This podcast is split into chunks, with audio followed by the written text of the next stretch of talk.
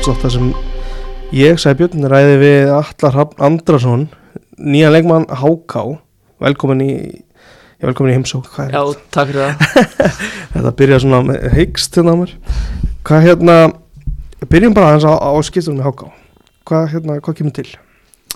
Heyrðu, það var bara þannig að ég var að renna út af samning og ég átti nokkra kosti en HK var á endarum mest spennandi bæði náttúrulega í efstu deild og þar leiti að ég er með stórt hlutverk bæði innanvallar og utanvallar. Og ég var eiginlega bara mjög heitlaður bæði eftir fundin við Ómar. Hann er náttúrulega nýr þjálfari í deildinni og efnin eru þjálfari. Um, og mér fannst þetta bara mjög spennandi kostu fyrir mig á þessum tímapunkti. Mm. Kom til greina að vera áfram í eigum? Um, Já, ef þú hefði spurt mig á miðjutímabili þá hefði ég eiginlega bara sagt að það væri bara að fara að gerast sko. Mm. en svo endanum breytist aðstæður bæði hjá mér og hjá liðinu ég byrjar í skóla í bænum og svo á endanum var þetta bara þannig að að hérna uh, eigamenn ætluðu bara að fara í aðra stefnu Mhm. og spila náttúrulega kraftmiklin fótbolta og ég er svona hefði þurft að þróa minn leik í aðra átt en hvernig ég er Mm þannig að á endanum var þetta bara þannig að við skildum leiðir sko. Meira kannski en tíman hjá IBF á eftir. já, Uh, en þú veist þessi ákvörðun að fara í Háká, var þetta, var þetta erfitt? Var erfitt val eða bara meika þetta bara sens? nei, í raun ekki sko. um, ég vissi af áhuga frá HK svona þreim vikum áður en þetta gerðist sko. og mér fannst það alveg spennandi bara um leið og ég heyrði það sko. ég hef náttúrulega heyrt að allt í kringum klubbin er bara svona 110% sko.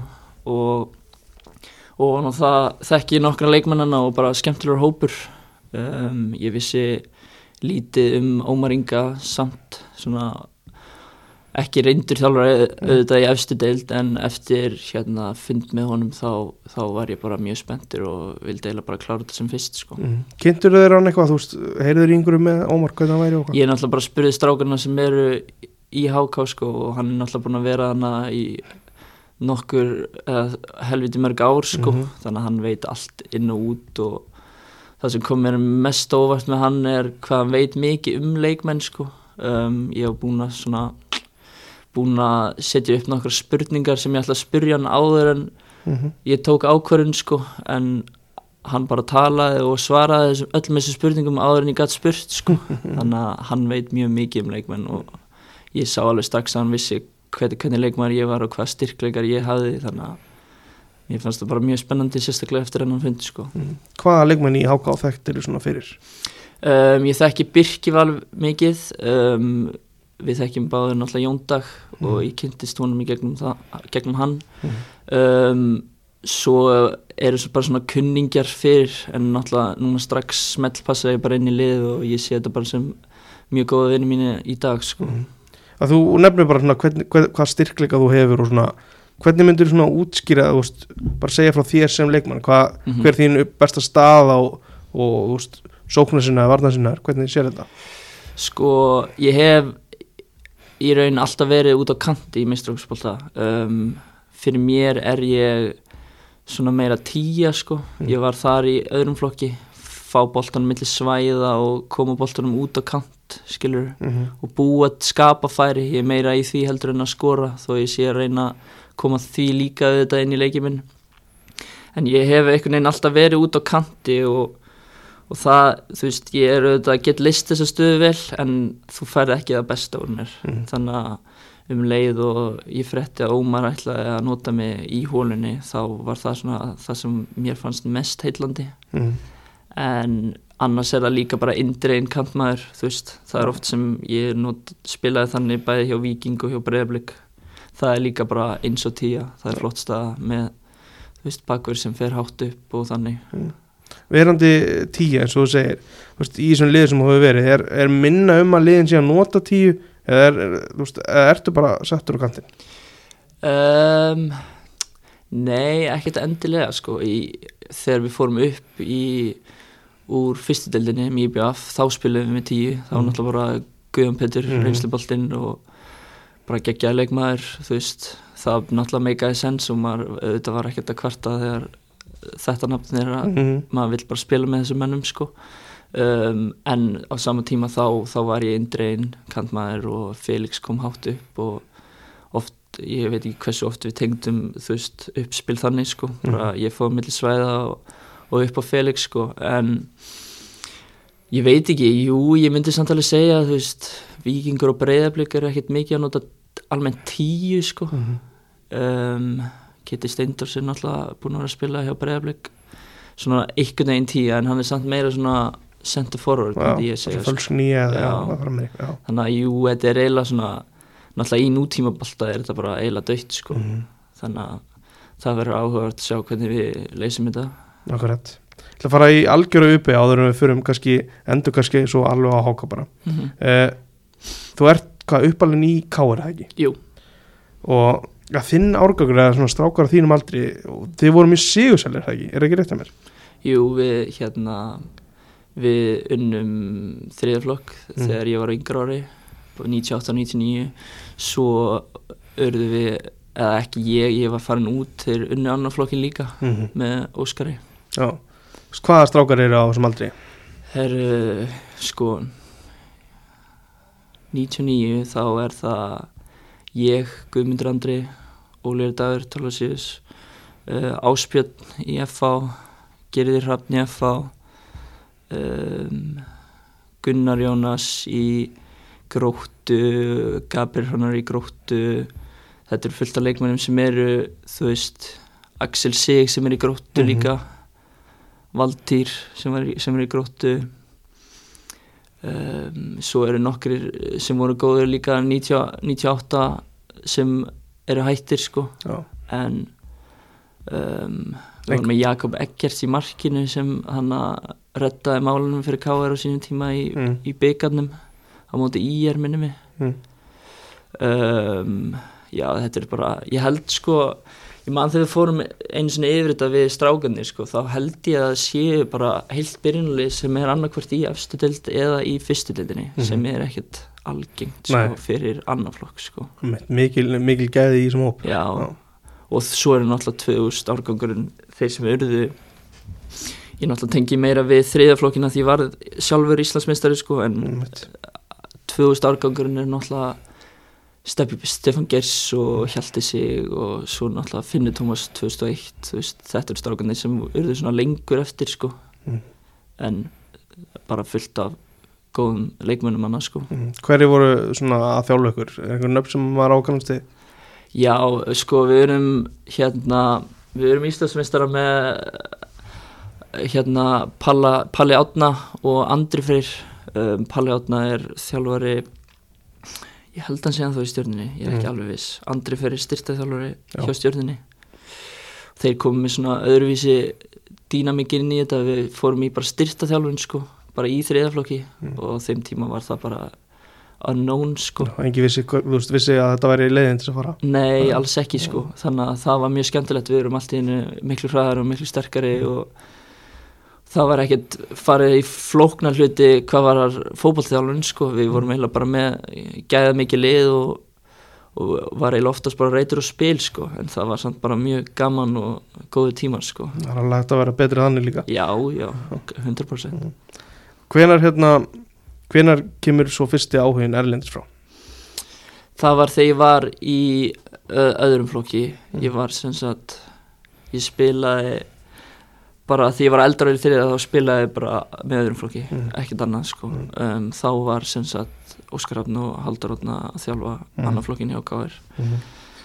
um, þá kom áhugi frá nokkrum þú veist, ég fór á reynslu til Hollands, fór til Herifen um, Feyenoord um, svo fór ég til Köln í Þískalandi líka allir bara flottir staðir sko, Herifen voru áhuga samir en svo gekk það ekki upp að ykkur ástæðu um, ég var eiginlega kviðslitinn þegar ég fór til Köln sko, það var svona þá, það var svona ákveðið svona þá sá maður hvað hversu háu leveli þískiboltin var sko, Mhm. sérstaklega fitness wise þeir voru bara, þú veist, þeir bara hlupið yfir mann, bara alveg gjörsanlega sko. Mm.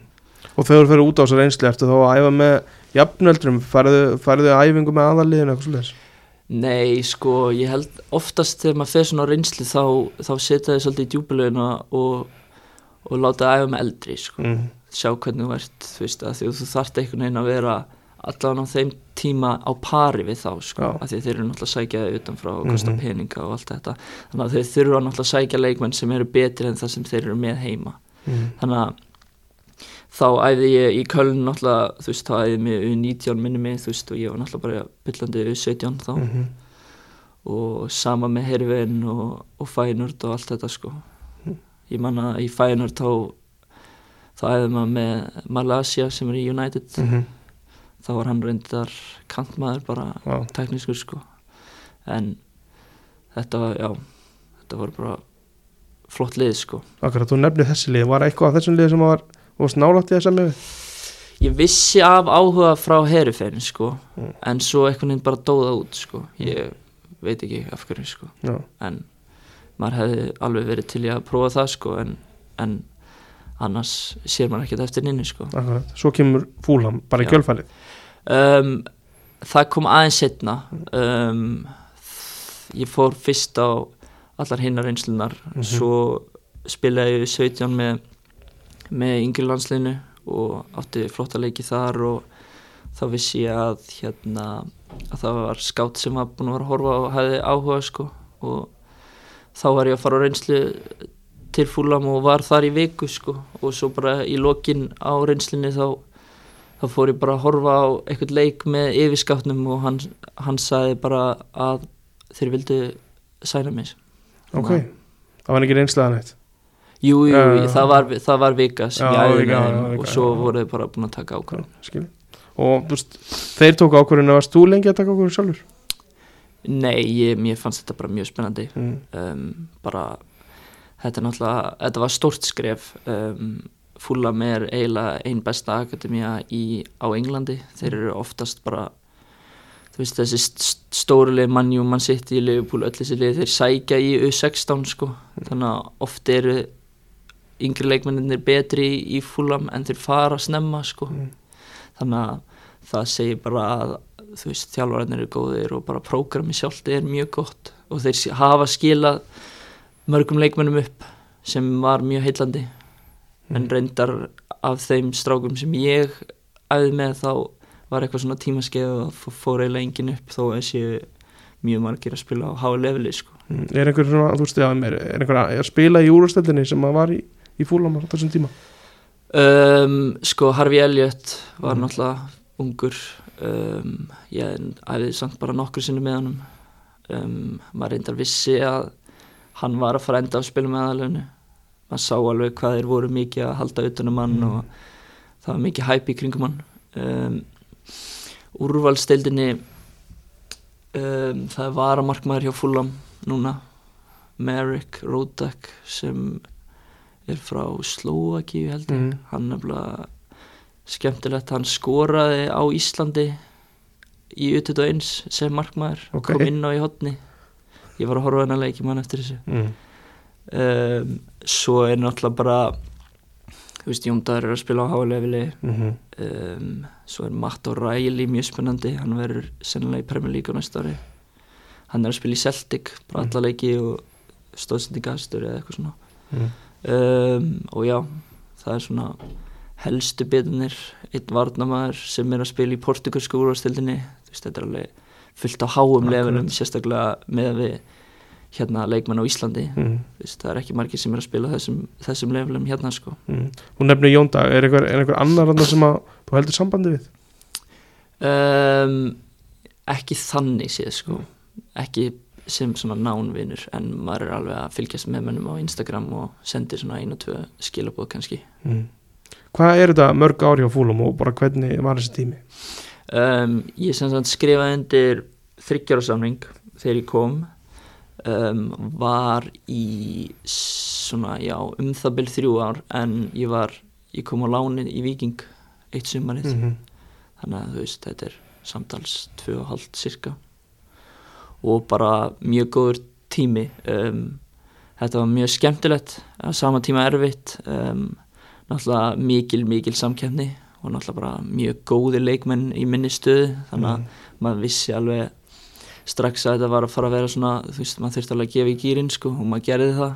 Um, endanum var það bara þannig að ég kom heim. Um, maður sér ekkert eftir því. Ég minna að maður móta sig bæði sem leikmaður og einstaklingur á þessum tíma og ég held að veist, þessi leikmenn sem er að koma heim í dag með ekki gleyma því sko, Mhm. þú veist þeir eru að koma tilbaka betri, ég get alveg lofa þeirri Mm.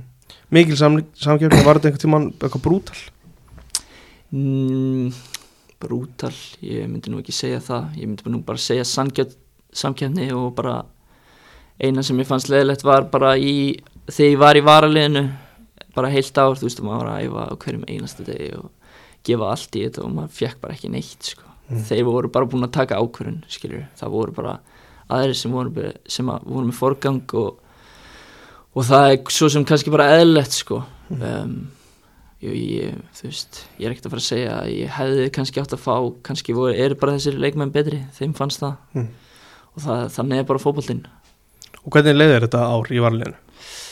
það, það var erfitt um, auðvitað vill maður spila og sérstaklega þegar maður er að ferðast kannski alltaf þessi ferðalög, þessi ferðalög sko, þetta var alveg oft þú veist, fimm tíma rútuferðið eða eitthvað og svo bara fekk maður ekki mínútu sko. það, var, það var mjög leðilegt en ég held að auðvitað hefði hjálpað að ég og Jóndagur vorum svona nánir þú veist, við höfum hvernig annan þetta var bæði erfið tíma fyrir mig og hann á þeim tíma þannig að við, við bara bökkum okkur báðu upp og það var bara geggjað sko. Og þú fer svo til Ísland bara eftir þetta álega? Um, Já eh, ég fór á lán. Mm. var svo kom tilbaka. Ég fór nefnilega á lán í Viking Mm. og ég meittist hérna, ég tók náttúrulega læri á miðjutímabili og ég hefði getað farið tilbaka til fúlam. Og hérna þá var ég, hefði ég getað spila fram á desember þú veist, Mhm. hvort ég hefði gert það eða ekki, ég veit það ekki Mhm. og þeir bara sögðu, þeir leiði mig bara ráða Já. og ég tók ákvörðun að vera ennþá eftir í, í Viking við vorum náttúrulega vorum í smá fallbaróttu hana ég var búinn að koma inn í lið Lógi Ólafs var þjálfari Mm. um, ég var búinn að koma vel inn í lið og svona og ég fekk bara stuðning frá Sölva til dæmis og sagði bara að við þurfum að vera að halda og eitthvað svona og ég, ég ákvaði að vera eftir um, en á endanum var ég svolítið lengi í gang og bara spilaði lítið. Þú veist, maður var ungur og, og við vorum náttúrulega bara í byllandi fallbaróttu þannig að kannski þú veist að þeim tíma var ég brjálæður en þú veist, þetta er bara logi að hugsa um hugsa um liðið og, og sitt starf sko, þannig að við heldum okkur uppi sem var bara gott mál. Tímabilið 2018 eða ekki? Jú, Já. Af hverju vikingur? um, það er góð spurning. Ég bara ég bara veit það ekki. Ég, hérna, ég æði með KR og, og fekk bara heiðalegt svar frá þeim og þeir sögðu bara að, að eins og staðan væri þá myndi ég ekki spila nóg. En þeir myndi alltaf vilja fá mig náttúrulega sem Mhm. KR-ingur og, og ég uh, kunni bara mjög mikið að meta það. Rúna var bara hreinskilin við mig og ég sagði náttúrulega bara við hann að að það væri ekkert hard feelings, ég vildi bara við, fá að vita af því að þú veist, ég ætlaði náttúrulega bara að fara að spila. Mm -hmm. þannig að svo æði ég með vikingum og, og logi hefði eitthvað áhuga og endaði þannig. Svo var náttúrulega Arnar líka með aðstór þjálfara Mhm. hlutverkana og hann þekkti mig líka frá KR þannig þannig að hann talaði bara vel um mig. Akkurat. Þú æfið með KR það hefur verið umræða um veist, síðustu ár að ungi KR fá kannski ekki endilega tækifærið. Mm þú veist, hvernig horfur svo umræða við þér? Ég bara veit það ekki alveg. Ég er svona auðvitað finnst mér mikilvægt að hérna að þessi lið haldi utanum sína leikmenn og þú veist auðvitað eru þessir uppaldi leikmenn þeir, þeir eru með meira hjarta fyrir klubnum og eru að fara að leggja sig meira fram allan að til ég. Mm.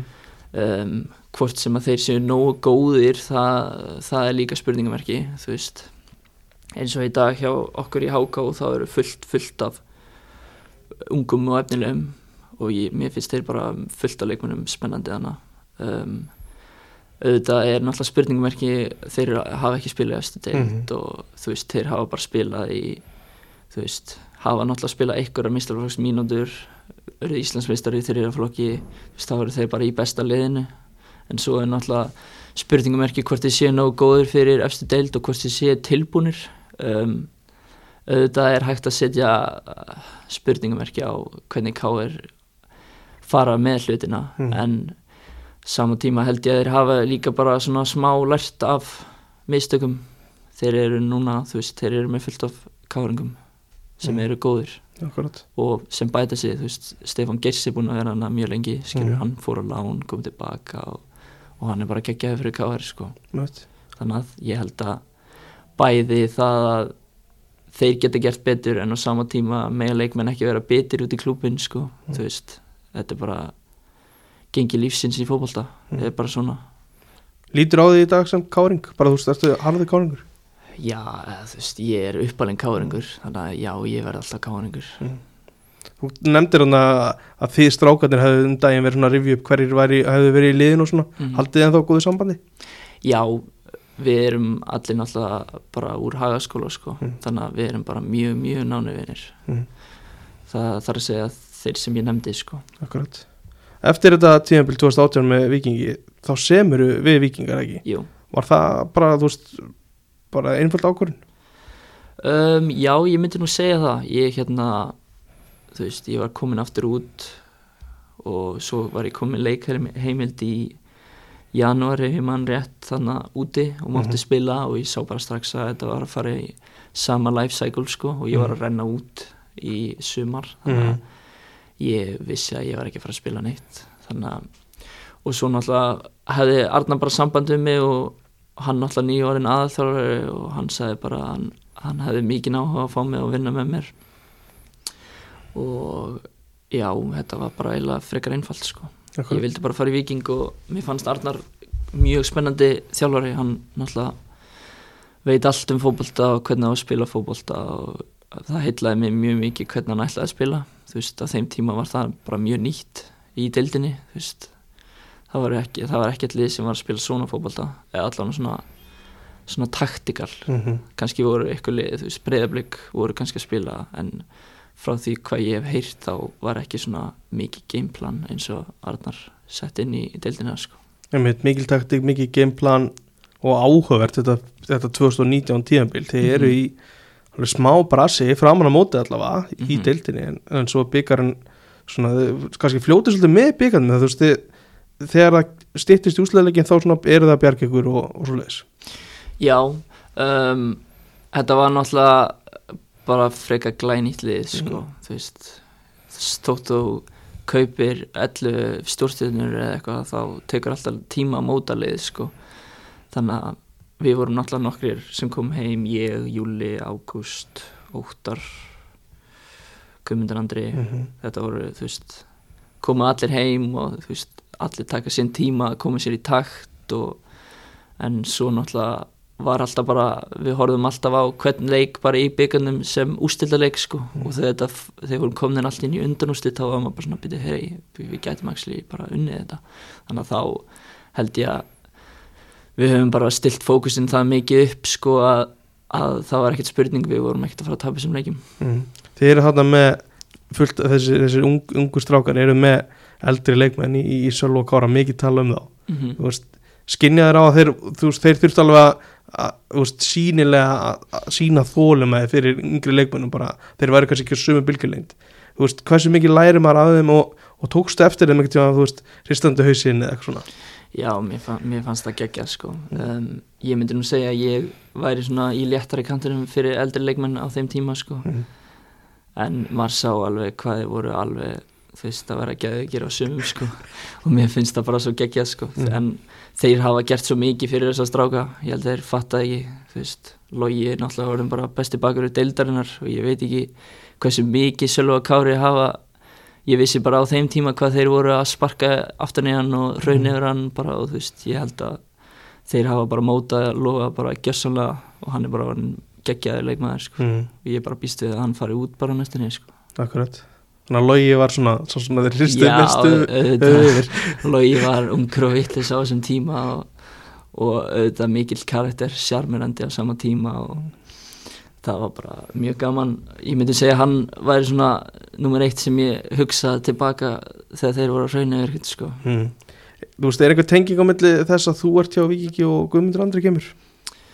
ég, ég myndi nú segja bara tóta fútbol sko. Mm. um, og sama tíma var ég líka bara að segja hvað að vera gaman sko. Mm. þannig að og svo sen- sendi hann bara á mig allt í einu að við getum verið að fara að spila saman og ég var bara ha, ég held að það myndi aldrei gerast aftur sko. Mm. en það var bara geggjað sko. Já.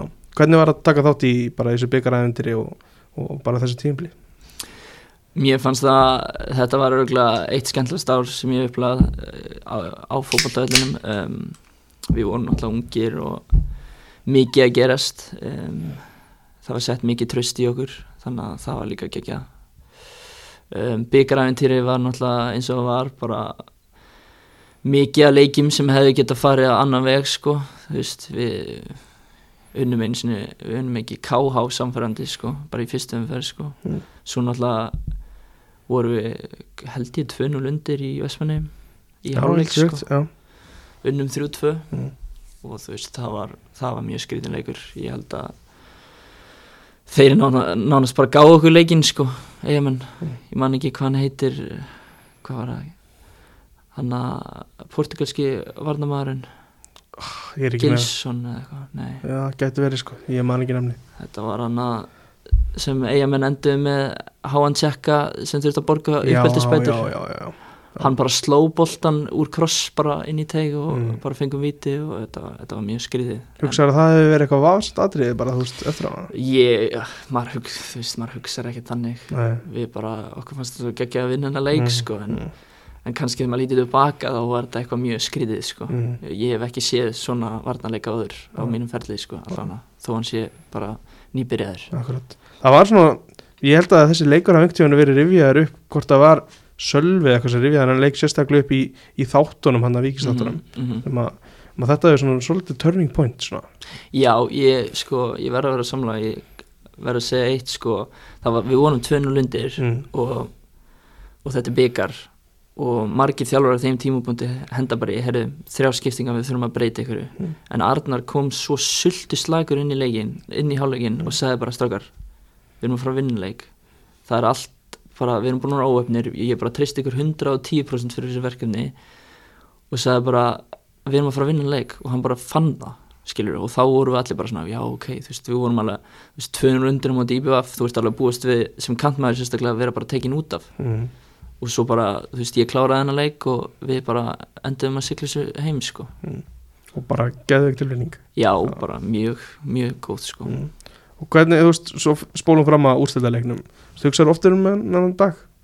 Já, þetta var náttúrulega náttúrulega þú veist, þetta var geggjað dagur.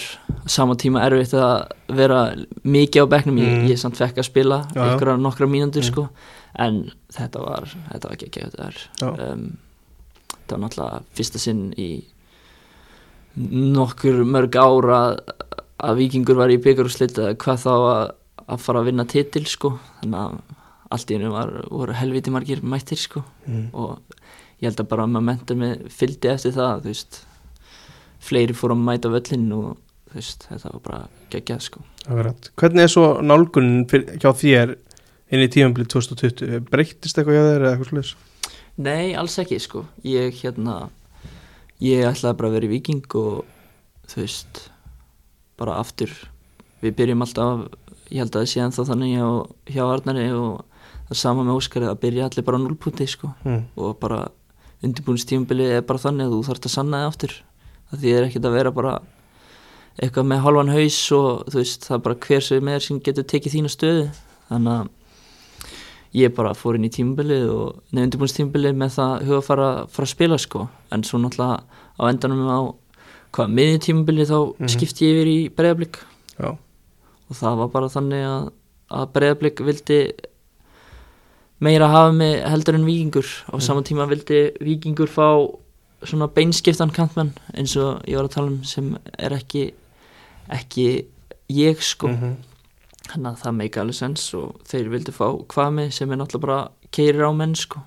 Akkurat. Það er svolítið svona þannig leikmenn sem Arnar vill hafa í kantstöðunum. Þú veist, Adam Páls til dæmis hann er ekki alveg þannig veist, Nei. hann er meira svona finna sveðin og koma með krossa og þannig sko Mhm. þannig að það er bara veist þannig er bara veist, þjálfarinn vill hafa ákveðna típur í ákveðna stöður og það er bara flott sko mm. Varstu svektur samt?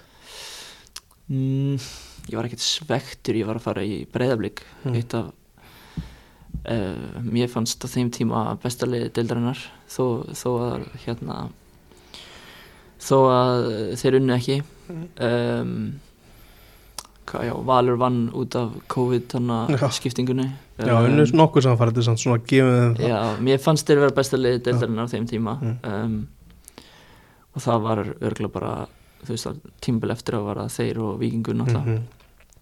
um, ég held eina sem ég fannst leiðilegt var hvernig hvernig vikingur fór að þessu þú veist, ég fekk bara símtal frá umbásmannum mínum að að vikingur og breyðablík vildu skipta mér, skilur Mhm. það var svona eina sem ég fannst leiðilegt en á endanum er þetta bara fótbollin skilur Já. en ég hefði freka vilja kannski fá svona samtal við Arnar eitthvað heyri, þetta er möguleiki hefur áhuga skilur Já, þú veist ef ég hefði sagt bara nei ég vil vera hér Mm. skilur þá, þá hefði ég vilja að það hefði farið þannig sko. Þú fer hana í breyðablík að þínum að þið bara eitt besta liði allavega og þú veist, hittir Óskar fyrir, varst bara spenntu fyrir þessu? já ég held sko sérstaklega það að ég fekk að vinna með Óskari og, og, og Dóra aftur ég held að ef að, ef að ég hefði heyrt af þessu skiptingu og einhver annar þjálfari væri Mm. veist, þá hefði ég örglega bara, nei, bara ekki sens af því að ég bara hefði talið þannig að ég myndi ekkert spila neitt sko Mm. en þeir hérna þeir samfærðu mig og mér fannst það bara mjög spennandi á þeim tíma og ég á sama tíma sé ég ekkert eftir því þú veist, þeir eru með ákveðin standard á æfingum og, og ég bara ég var betri leikmaður á sama tíma Mhm. Svo ferðu, hvað IBF 2021? Já, þá, á þeim tíma þá var ég bara eiginlega komin þangað að ég þurfti bara að spila alla bara, og ég, þú veist, ég tók undirbúinstímabili þannig bara að ég ætla að vinna minn og spila alla mínútur Mm. en svo bara kom það í ljós að, að það var ekki að fara að vera staðan. Þannig að þá þurfti ég að fara, fara að spila og það var kannski svona svolítið seint. Mm. þannig að þá vildi ég bara svona fá guaranteed spiltíma þannig að þá fannst mér IBVF vera mjög spennandi.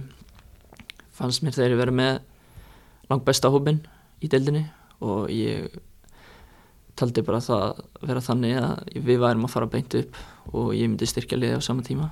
Þannig að það var bara mjög spennandi og líka bara ævintýri prófa eitthvað nýtt, búið út á landi ég hef aldrei, aldrei gert það áður Mm. Þú talar um að það kom svona seint, seintu upp kannski en þú veist, varstu, varstu, varstu híkand að fara í, í næsta eftir dild?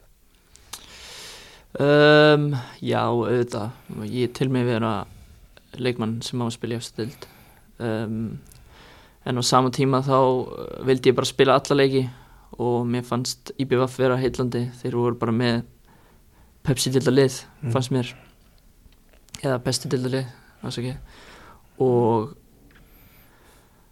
þannig mér fannst það bara ekkert vera það erfitt sko Kom þér eitthvað óvart á þessum tíma í með eitthvað svona, bara er þetta er, þetta er miklu betra eða, eða allt öðru sem ég bjóstu þetta skil? Nei, ja, ég náttúrulega var svo góður vanur sko, þú veist, ég var í KR og Viking þar sem Arnar setti, reyndar Arnar breytti standardnum mjög mikið sko, Mm. svo náttúrulega breyðibleg er bara svona allt upp á tíu sko, þú veist, allt í kringum klubin og, og náttúrulega liðið bara gegja þjálfararnir, þú veist, endalist að styrsta þjálfararum, þeir eru bara á öðru plani sko, -hmm. þannig að auðvitað þegar maður fer á lið þú veist utan á landi þá, þá er IBF ekki alveg á sama stað. Það er bara staðarind og ég held að allir vita það í klubnum en Mm.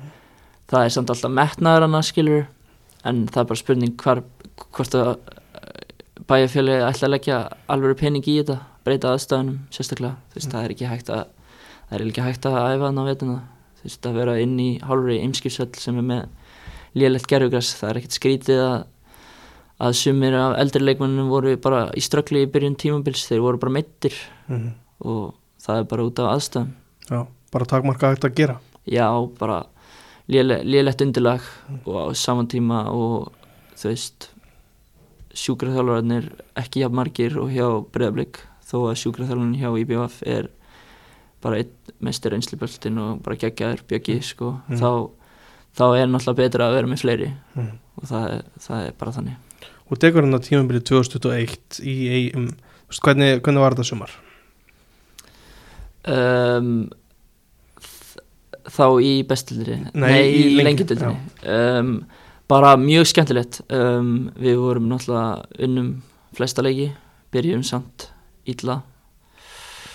Þegar ég held að við vorum búin að tapa fyrstu tveimur þegar ég kom. Mm. svo töpuðum við líka fyrsta leik á mútið fram þegar við byrjuðum á bekknum.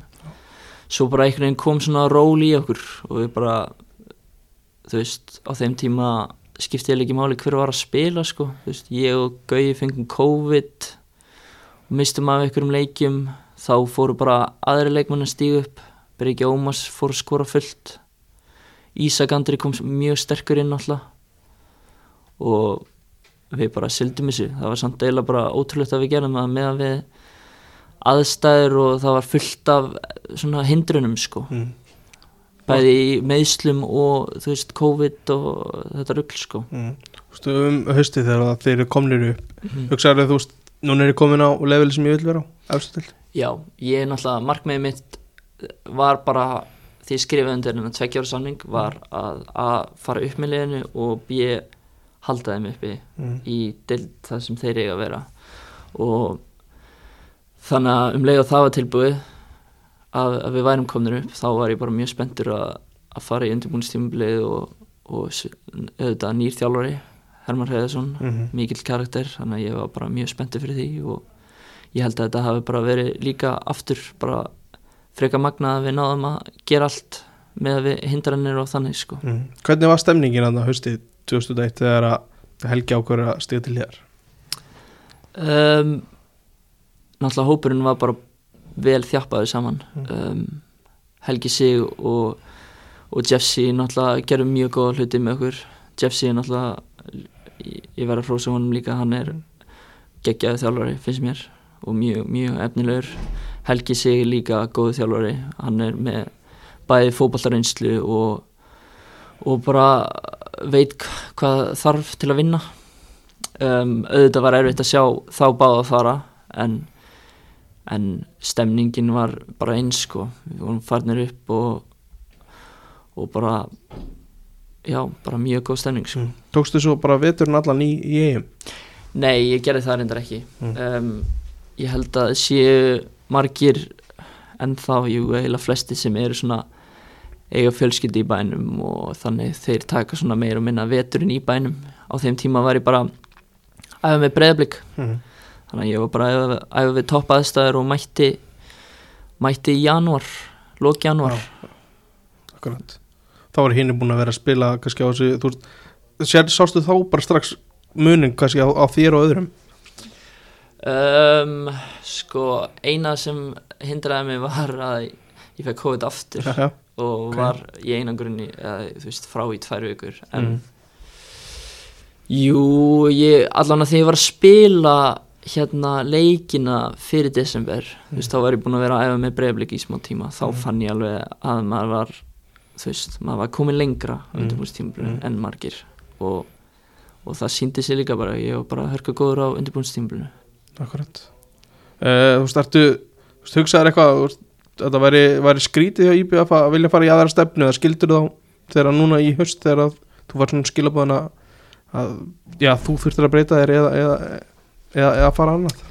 Um, nei, þetta var eiginlega bara svona frekar sameilega ákvörðun sko. Um, ég þeir eru svona ef ég myndi gíska Mm. þá eru þeir að fara að spila þrjá, fjóra, þrjá. Mm.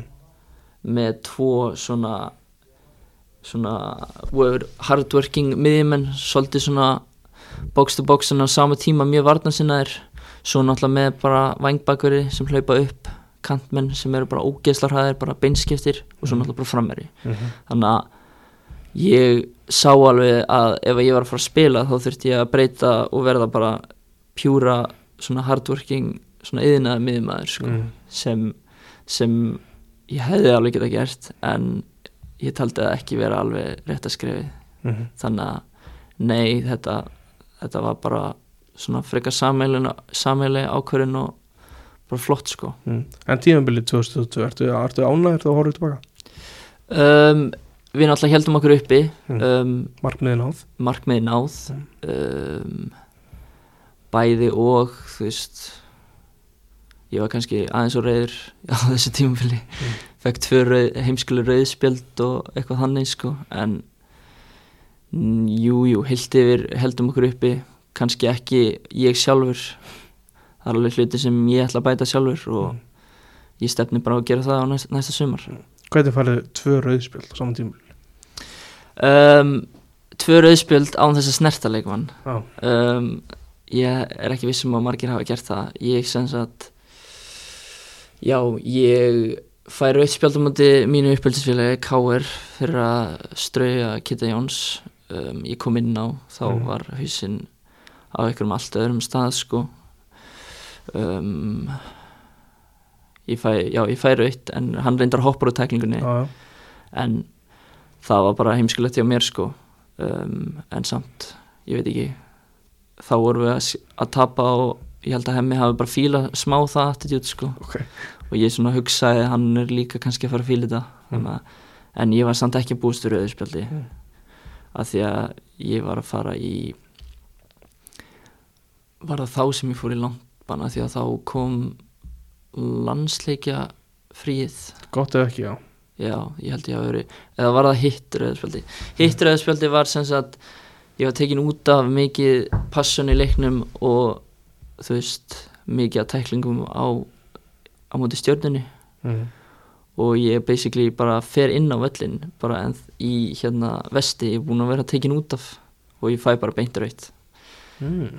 ég, ég einmitt rætti þetta við einn dómara í sumar sko og hann sagði bara, já, ert þú sá gæi, gauð, þú ert bara legend. Þetta gerist á nýja ára fresti. Við bara tölum alltaf um þetta. Mm. og ég bara, ha, bara og ég hef alveg séð svona dómara vera svona að horfa á mig svona, Mm. eins og ég sé eitthvað stórstjarnar fyrir þeim sko. Það er að ringt í þetta. Já, en já, þetta er sem sagt gerist ekki oft Mm. að menn fá raukt en Mm. þetta gerist, ég get alveg sagt þér að þetta gerist oftar Mm. í leik sko, ég hef oft séð sérstaklega þjálfara, Mhm. samkvæmt reglum á þjálfari bara fá raukt spjald bara, Já, upp, bara í stúku, upp í stúku með sko. Já, ok Og þú varst bara að fara inn á just, í pyrringa eða passjón eða? þetta var, þú veist, þetta var brot mér fannst þetta að vera brot og ég bara steg, ég segi alltaf eitt skref en aðri segja annað sko. Já, já, já ég vil ekki horfa á vil, þetta er bara eitt skref í mínum haus sko. mm.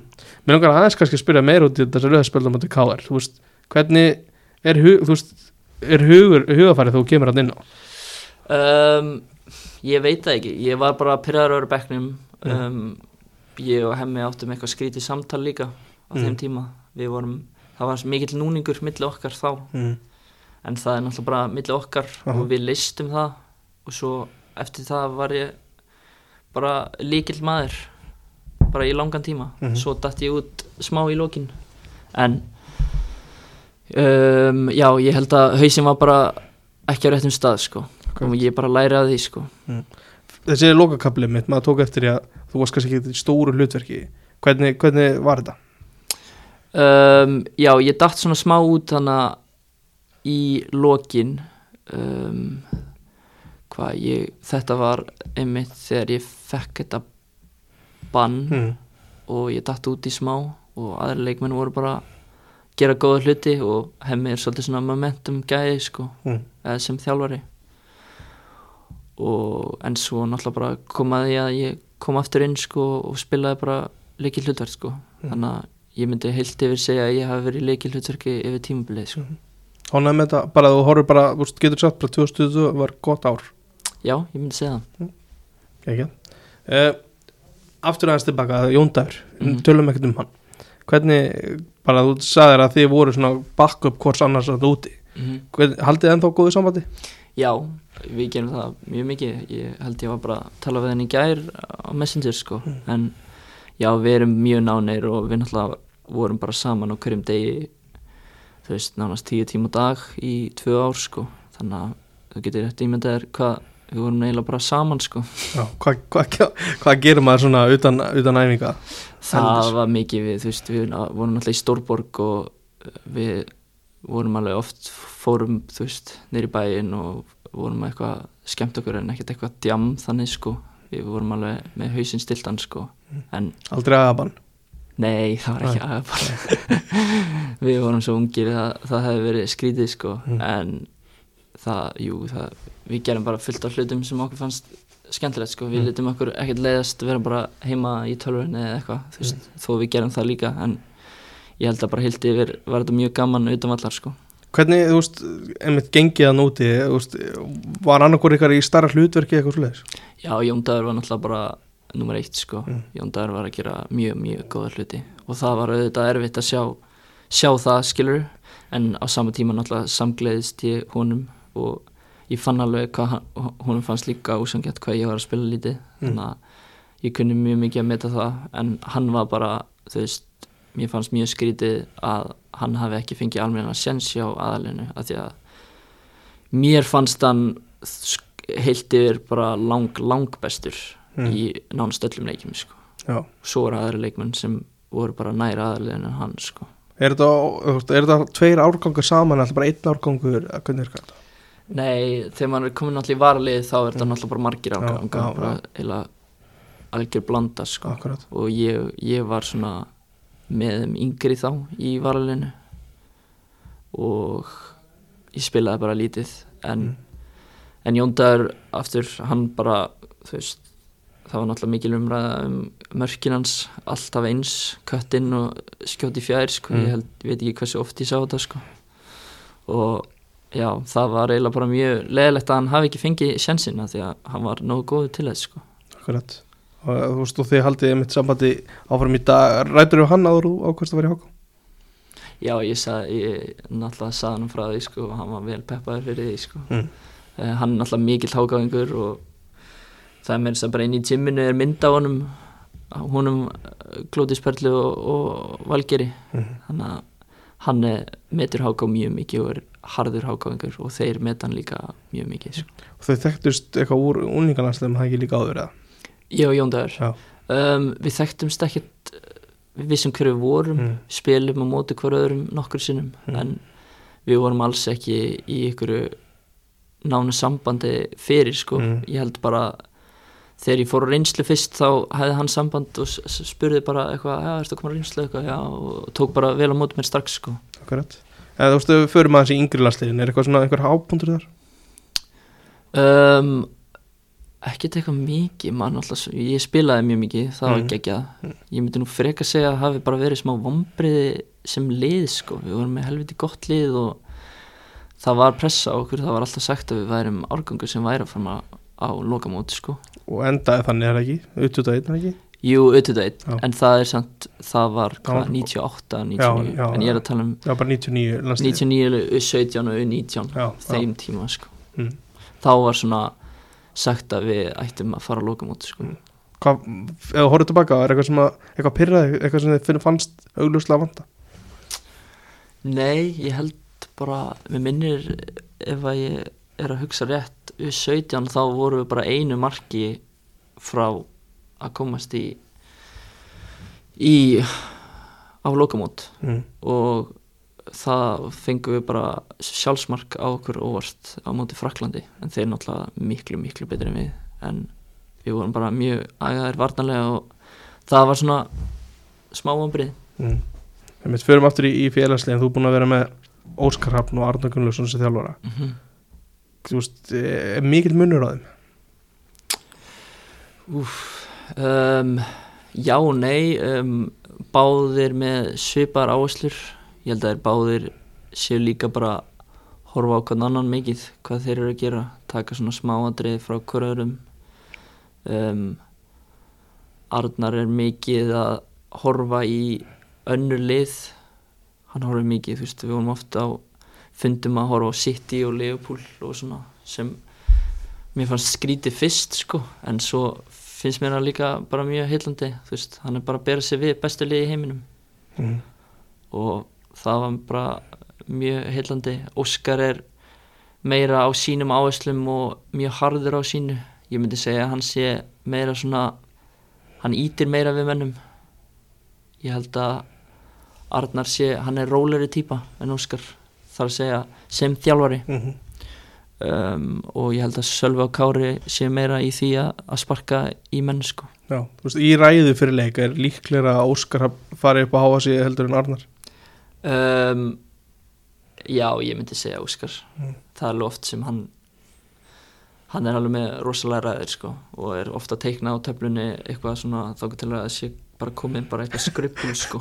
Og ég held að flesti vita því og það er alveg mjög gott sko. mm. Akkurat og þú veist En þessi, bara, veist, lítur á þessum forréttindi að hafa haft þess að tvo þjálfara Já, 100% þetta eru, í dag er þetta tveir bestu þjálfararnir og ég hef lært mikið frá þeim báðum. Ég náttúrulega var líka með Óskar í og Dóra í hérna yngjurflokkunum þannig að áherslunar eru alveg breyttar auðvitað. Á þeim tíma var, voru þeir bara einbetið sér að búa til leikmenn. Þannig að leikkerfin voru bara þannig hannu að ákveðinu leikmenn fengum mikið boltan en í dag er þetta náttúrulega bara úslitt hvað liði gerir. Þannig að breyðablík eru að spila mjög flottan og skemmtilegan fókbalta finnst mér. Á Já. sama tíma er vikingur líka. Og það er bara þjálfarinnir sem hafa gert þetta. Akkurat. Ég með svona tvær spurningar áður fyrir mig í smá uppgjör á þessu saman. Mm uh, Ég fór yfir hina hliðina hjá þér. Já, Þú veist, einhvern tíðan kallaðir Sigurður Óskar. Er það ekki rétt? já, ég sko þegar þú sendir mér þessa spurningu þá var ég í smá tíma að reyna átta með á því hvað varst að meina sko. En ég, þetta, þetta var bara eitthvað inside joke Mm. hjá okkur vinnum, þetta var bara eitthvað svona bara eitthvað byll sko. Bara eitthvað ég- enga húmor Ég get eiginlega ekki útskipt Nei, það nei. fyrir mér. Ég skilji. Svo var hérna Var það á tímanum hjá, hjá Fúlham held ég. Mm uh, Steven Gerrard Já, Raunaði yfir einhvern leikmann hjá okkur. Er ekki rétt? Jú, Og hérna Hvað hva, hva gerist þar? Þetta var sem sagt, þetta var undirbúningstímabil á undirbúningstímabilinu. Vorum að spila æ- æfingamóti í Sviss minni mig. Mm. um, og þetta var bara fullam á móti Leifbúl skilur, hann var nýkomin í þjálfun tekið við á generalinu Mm. og það var mikill, mikill hiti í leiknum. Um, menn bara tækla hvern annan og dómarinn hafði enga stjórn. Og það sem sagt endaði þannig að einn af okkar leikmennum skallar svona lúmst í annan leikmann Leifupúl Ok. Og þú veist, allt verður brjálað og hann bara byrður um raukt og það gerist ekki, skilur svo í lokleiks kemur Steve, Steven Gerrard að þessum leikmanni en hann var reyndar að rugglast á leikmanni Ok. sem ég fyndi. Já. en hann segir við hann eitthvað þú verður að vera respectful eða eitthvað, you gotta be respectful. Já. og hann eitthvað, já, já, ég, þú veist hætti þessu, þú veist, hann bara hunsa hann og ég bara, shit, hann hunsa Steven Gerrard og þá, þá bara snappar hann bara, þú veist, þetta er bara mikill karakter, þetta Mm. er passionate maður þá snappar hann og segir bara eitthvað bara eitthvað, já, já, ok og ætlar að vera svona disrespectful þá þá veistu bara að ég mun ringja í þig eftir nokkur ár og þá ertu að fara að spila í neðri deildinum og ég mun segja I told you so Mm. og sem var reyndar ekki rétt hjá hann hann er að spila, ok, hann er ekki að spila í efstu deild, Mm. en hann er að spila í championship já. Sem er helviti stert deild. Og þetta er líka leikmaður sem að hann rugglaðist á. Já, sem hann raunaði yfir. Já, hinn leikmannin sem skallaði leikmannin er í portugalsku úrstildinni og já, þessi leikmaður heitir Elijah Adebayo. Hann er að spila í Championship Mm. Luton Town. Þeir voru næstu farnir upp í fyrra. Og hann var með þess að Já. þeirra. og Newcastle voru eitthvað í eitthvað að kaupa hann þannig að ég myndi nú segja hann sé alveg að gera ágætisliti en kannski ekki að Steven Gerrard leveli. Nei, hann hefur sennilega ekki samt fengið símtalið. Nei, nema kannski bara þú veist, ok, ég tapaði eitthvað, ég veit ekki. Það er alls að hæpið Svo var, svo, svo var eitthvað fristi klefa moment þarna. Já, já, já. Hvað var það? Herru, þetta er svona cryo chamber. Mm. um, ég veit ekki hvernig ég á að útskýri það en þú bara fer inn í klefa sem er bara mínus 120 eða eitthvað galið. Og ert bara í hana í mínútu eða ert hann í tvær mínútur þá ertu dáin eða eitthvað. Já, þannig að það er bara alltaf eitthvað sem er að passa óksla mikið skilur og við förum hana inn. Og ég er ekki í skóm og gólfið er bara frosið. Já, og ég bara fer hana inn og er bara í smá tíma og ég fatt ekki, svo bara allt í hennu fatt að ég, að ég er ekki í skóm. Og þá er ég bara að brenna lappinnar það er bara, ég er bara búin að festa þær við jörðina skilur Mhm. þannig að ég er svona stíg ón á einhvern annan bara, herri, ég er bara frjósa en að og basically endaði þannig að ég lappaði bara út og, og var náttúrulega bara alveg brunnin undir löpunum sko. Og var náttúrulega sá sem var að sjá um þetta var bara alveg miður sín sko. Og ég sagði bara nei, nei, þetta, þetta er bara mér að kenna bara fyrir ekki að og þetta var bara algjör heimska þú veist ég var alveg frá, ég gæti ekki lappað í tvær vikur eða eitthvað, eða viku allan Mm. og var þetta, þú veist, og var eitthvað, þú veist aukin öryggiskesla í kringum þannig að glefa okkur svona út af þessu eða? Já, þú veist, það var alltaf einhver sjúkarþjálfur eða einhver sem átti bara að vera vissum að menn séu að gera, þú veist, ekki að lappina á tósunum til dæmis. Mm. En ég bara, einhvern veginn gerði það. ráð fyrir að þú verð ekki farið inn svona aftur Um, ég hef farið aftur inn í svona en samt ekki á sleppti því í það, í það skipti Já, uh, þú nefndir að þú, varst, þú ert í skóla já. hvað ert það þeirra? Ég er að læra viðskiptafræði í HR. Hvern, og ert komin langt eða? Um, nei, ég er bara á fyrsta ári, klára að byrja ára N2 núna Mm og ég er bara að fíla mig mjög vel þar, sko. ok, ert það að vinna eitthvað með þessu líka eða? Um, nei, ekki Nei, núna nei. En ég var að vinna Ég var að vinna í salaskóla þegar ég var í Breiðablik og Víking til dæmis. Og það er bara mjög gefandi líka Að vinna með boltanum sko.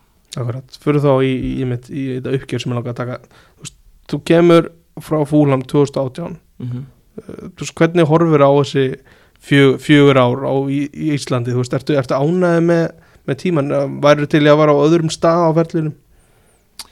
Um, Ertu þá að tala um Hvernig, ég skil þú ekki veist bara, þú veist, ertu, ertu sáttur við það þú veist, sáttur við, við það sem þú hefur afreikað á, á Íslandi, þú veist maður einhvern veginn, þú já, lögum mér að þess betur, þú veist, maður horfir tilbaka hluti af geggjöðu káarliði þú veist, í yngri lókunum mm og, og kemur heim.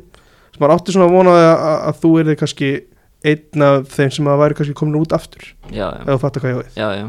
Um, Auðvitað hefði maður vilja vera farin út um, heilt yfir kannski vombriði þessi nokkur fjögur ár Mm. en á sama tíma ekki þú veist ég flakka á milli liða og, og spila hér og þar og mynda fullt af vinasamböndum mm ég held að það sé svona eitthvað sem er til eilíðar sko og bara tengsl um, nei, ég myndi nú ekki segja að ég einhver vombriði Mm. en auðvitað fótboltin er bara þannig að þú stefnir alltaf herra en það er svo mært sko. Þannig að ég held að sama hvort að þú sért, uh, þú veist Jóhann Berg eða eitthvað leikmaður í, eins og ég í Háká þá viltu bara vera á betri stað sko. Og ég held að sé bara gengi lífsins í fótboltanum.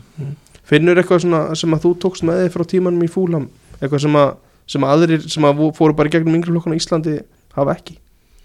Um, Ég myndi nú segja bara vera að taka ábyrð mm. um, og líka bara að standa uppi fyrir sjálfum sér ég held að það sé svona helsta þetta er náttúrulega þetta akademi umhverfi er svolítið svona á sömu stöðum er þetta svolítið svona gróft Mm -hmm. Englandi er mikið svona þú veist, eineltismenning og þannig sko, náttúrulega þetta er bara ógeðslega mikið samkeppni og Akkurat. þú veist ef að leikmaður í þinni stöðu, ef þú sér að hann er eitthvað weak, þá bara eh, ertu að fara að vera vissum að hann verður ennþá auðmari sko. Og bara draga hann með ennþá meira neyður skilur, það er Mhm. bara svona demenningin þó að þó að ég og Jóndar vorum ekki þannig sko Mm. veist, en maður sá alveg að sumi leikmenn voru á þessum stað sko. Um, og ég held að séu margir ungi leikmenn sem finnast það erfitt sko. Um, en ég og Jóndar auðvitað höfum hvern annan og við vorum góður vinir við svona st stóran gæja í klefanum Já. svona alfa gaurinn sko þannig að það var ekkert verið að fýblast í okkur en á sama tíma þá auðvitað ef eitthvað var að þú veist, raunið við eitthvað þá bara stóðst upp fyrir sjálfum þeir sko Mm. Ánægð, þú veist, getur bara þú veist, hort tilbaka á þessi ár bara ánægð, þú ert búin að prófa margt Já, ég er bara mjög ánæður sko. Mm. Ég held að þetta hafi mótað mig bæði sem leikmann og, og einstakling og ég er bara mjög þakkláttur fyrir að fá að spila fótbolta sem atvinnu á mjög mörgum og skemmtilegum stöðum sko. mm. Endur mynda þá alveg bara í blálókin háka hvað langar þið að vera eitthvað þar? um, Mér langar að þróa minn leik betur skora fleiri mörg gefa fleiri stóðsendingar um, á sama tíma langar mér að að haldi sér uppi auðvitað eru við mikið spurningamerki í dag Mm. um, en ég held að við munum koma mönnum á óvart. Við erum með, við erum með bland, mikla blöndu svolítið mikið af ungum, leikmönnum en ekki með svona alvöru alvöru reynslubólta við erum samt með mikla reynslu.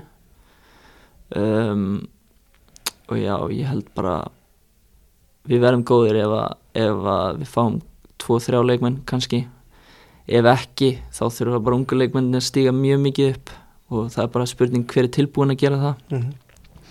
ég held að þeir áttu sig ekki á því hvað sjálfsagt að þeir séu svona margir í hópnum sko að æfa. Og ég vona bara að þeir taki bara ábyrð og verði góður fyrir okkur um, og hlusti á okkur. Ég held að það sé mikið vægt oft halda þeir að þeir geta sigra heiminn þó við séu góður í fótbolta þá er það ekki þannig. Þá þurfum við líka að hlusta á hérna leikmennina og, og ég held að ég held að við verðum góður Er þetta yngsti hópur sem þú verið í?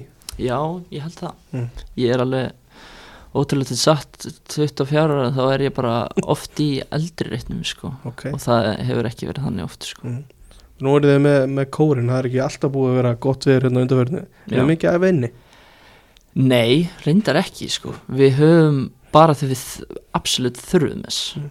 Ég held að ég sé búin að mæta á þrjár, þrjár æfingar í kórnum annars Ok. er þetta bara úti sko og grasið úti er bara fínt sérstaklega þegar það er svona smá rakt og blöytt sko Mikið skjól? Um, já, ég er ekki búin að taka eftir miklum vindi sko, Mm. en það var einu sinni sem við þurftum að fara inn á miðri aðeingu Já. en það er bara svona eina sko Mm. það er fínt að hafa þetta svona sem backup en ég held að boltinn renni bara betur úti og það er ekki hægt að bleita alltaf. Við náttúrulega bleitum völlin þegar við keppum í sumar sko. Í kornum þá, þá er hann bara góður sko. Nákvæmlega. Ég held að banki minnur þetta á tendur, bara gegja að tala við allir. Já, ekki, takk fyrir að hafa mig. Takk fyrir að koma í heimsókn og gangi vel í sumar. Já, takk fyrir